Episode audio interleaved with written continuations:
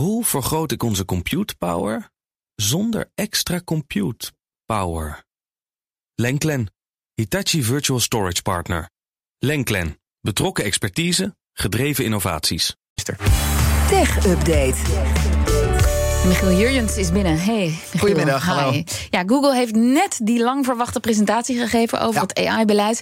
Daar moeten we het over hebben. Ja. Maar eerst gaan we even naar Turkije. Want daar is Twitter uit de lucht. Ja, mensen hebben in grote delen van het land geen toegang tot de website. En ook de app werkt niet. eh, tenzij mensen een VPN-verbinding gebruiken, eh, melden meerdere Turkse media.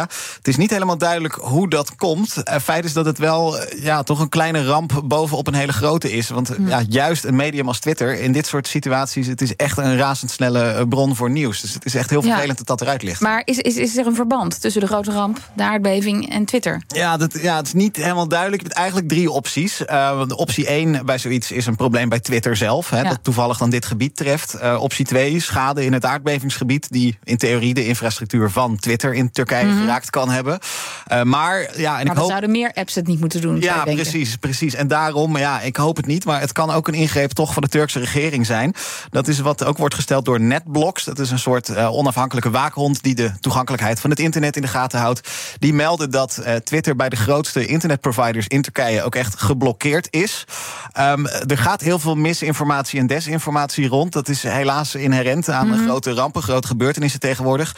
Eh, daar heeft president Erdogan zich ook al wel over uitgesproken deze week. Ehm, maar ja, er is op Twitter ook gewoon heel veel kritiek op de Turkse regering over de zwakke staat van Ja. al die gebouwen Ja. die ingestort zijn.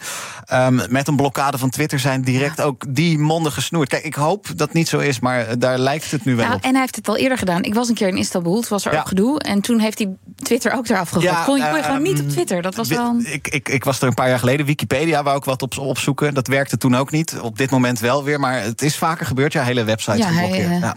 Schrikt er niet voor terug. Nee. Dan die perspresentatie van Google in Parijs. Wat is het laatste nieuws? Ja, als ik het moet samenvatten, is het vooral ja, dat alles nu om AI draait. En dat Google vooral heel erg wil uitstralen ook dat ze daar Oh. bovenop zitten en heel erg mee bezig zijn. En vooral heel goed ook. Eh, het grootste deel van die presentatie kwam, kwam van eh Prabhakar Raghavan, de belangrijkste man van Google Search, de zoekmachine. Ging uitgebreid in op BART. eh, Afgelopen weekend aangekondigd als de slimme chatbot. Liet het een en ander zien van hoe BART er dan uit komt te zien in de praktijk. Doet een beetje denken aan ja, de antwoorden die ChatGPT, de grote concurrent, op Ja. vragen geeft. Ja. Eh, maar dan ja, verrijkt met foto's en ook linkjes waar je op kunt klikken. Het ziet er iets beter uit. ChatGPT dat geeft alleen nog tekst op dit moment. Ik had alleen heel graag willen horen wanneer wij nou met BART aan de slag kunnen. Eh, maar daar heeft hij niks over gezegd. Mhm. Oh, ja, je klinkt ook niet heel enthousiast. Nee, nee, dat ben ik ook niet. Oké. Nee, het, nee, het is me een klein beetje tegengevallen. Deze presentatie afgelopen weekend werd die aangekondigd, vlak voor de aankondiging van BART. Nou, dus de verwachtingen waren hoog. Eh, niet alleen bij tech-redacteuren, maar ook bij beleggers. Ehm, die eh, waarderen moederbedrijf Alphabet nu 6,5% lager. Dus die hadden er ook echt meer van gehoopt. Als ik een mooi puntje moet uitlichten, eh, er was een update voor Google Maps. Daar hebben ze over verteld. Die wordt nu mondjesmaat uitgerold. Kijk, je hebt nu op Google Maps je hebt een kaart. Je kunt ook satellietbeeld krijgen. Ja. En daar kun je dan dingen overheen leggen. Fietspaden, verkeersinformatie. Maar we krijgen nu ja, complete 3D-modellen van steden. Om daar makkelijker je weg Ah. te kunnen vinden. Chris Phillips, het hoofd van Google Maps, die kwam eh, voor ons in Nederland ook met een leuk voorbeeld daarvan. Let's take a look at the Rijksmuseum in Amsterdam. If you're considering a visit, you can virtually soar over the building, finding the entrances, and get a sense of what's in the area. With the time slider, you can see what it looks like at different times of the day and what the weather will be. Ja, dus een ja, 3D-model van het Rijksmuseum. Kun je zo overheen vliegen. Het ziet er ook echt gaaf uit.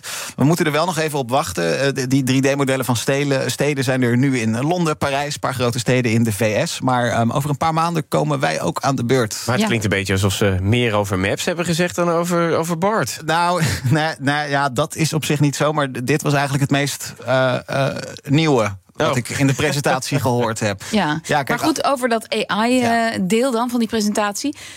Daar, daar, daar zijn ze dus helemaal eh, ja, mee, Dat is mee helemaal het, het ding. En ze lieten vooral ook heel erg zien wat ze al gedaan hebben de afgelopen jaren en hoe goed ze dat dan doen. Het zijn allemaal ja, toch wapenfeiten in de AI-oorlog die wel echt is losgebarsten deze week. Vooral tussen Google en Microsoft.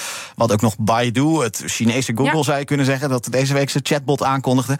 En je vraagt je misschien af welke gevolgen gaat dit nou allemaal hebben? Welke maatschappelijke uitdagingen, maar ook kansen levert dit allemaal op? Eh, blijf dan vooral naar BNR luisteren, want Lisbeth, daar ga jij uitgebreid over verder. Zo, Dank hè? voor deze brug. Ja, Ja, want wij praten met Remy Gieling van AI.nl en ook met Rudy van Belkom. En hij is directeur van de Stichting Toekomstbeeld der Techniek. Ik ga luisteren. Voor nu, dankjewel, Michiel Jurjens. De BNR Tech Update wordt mede mogelijk gemaakt door Lenklen. Lenklen. Betrokken expertise, gedreven resultaten. Hoe vergroot ik onze compute power zonder extra compute power? Lenklen. Hitachi Virtual Storage Partner. Lenklen. Betrokken expertise, gedreven innovaties.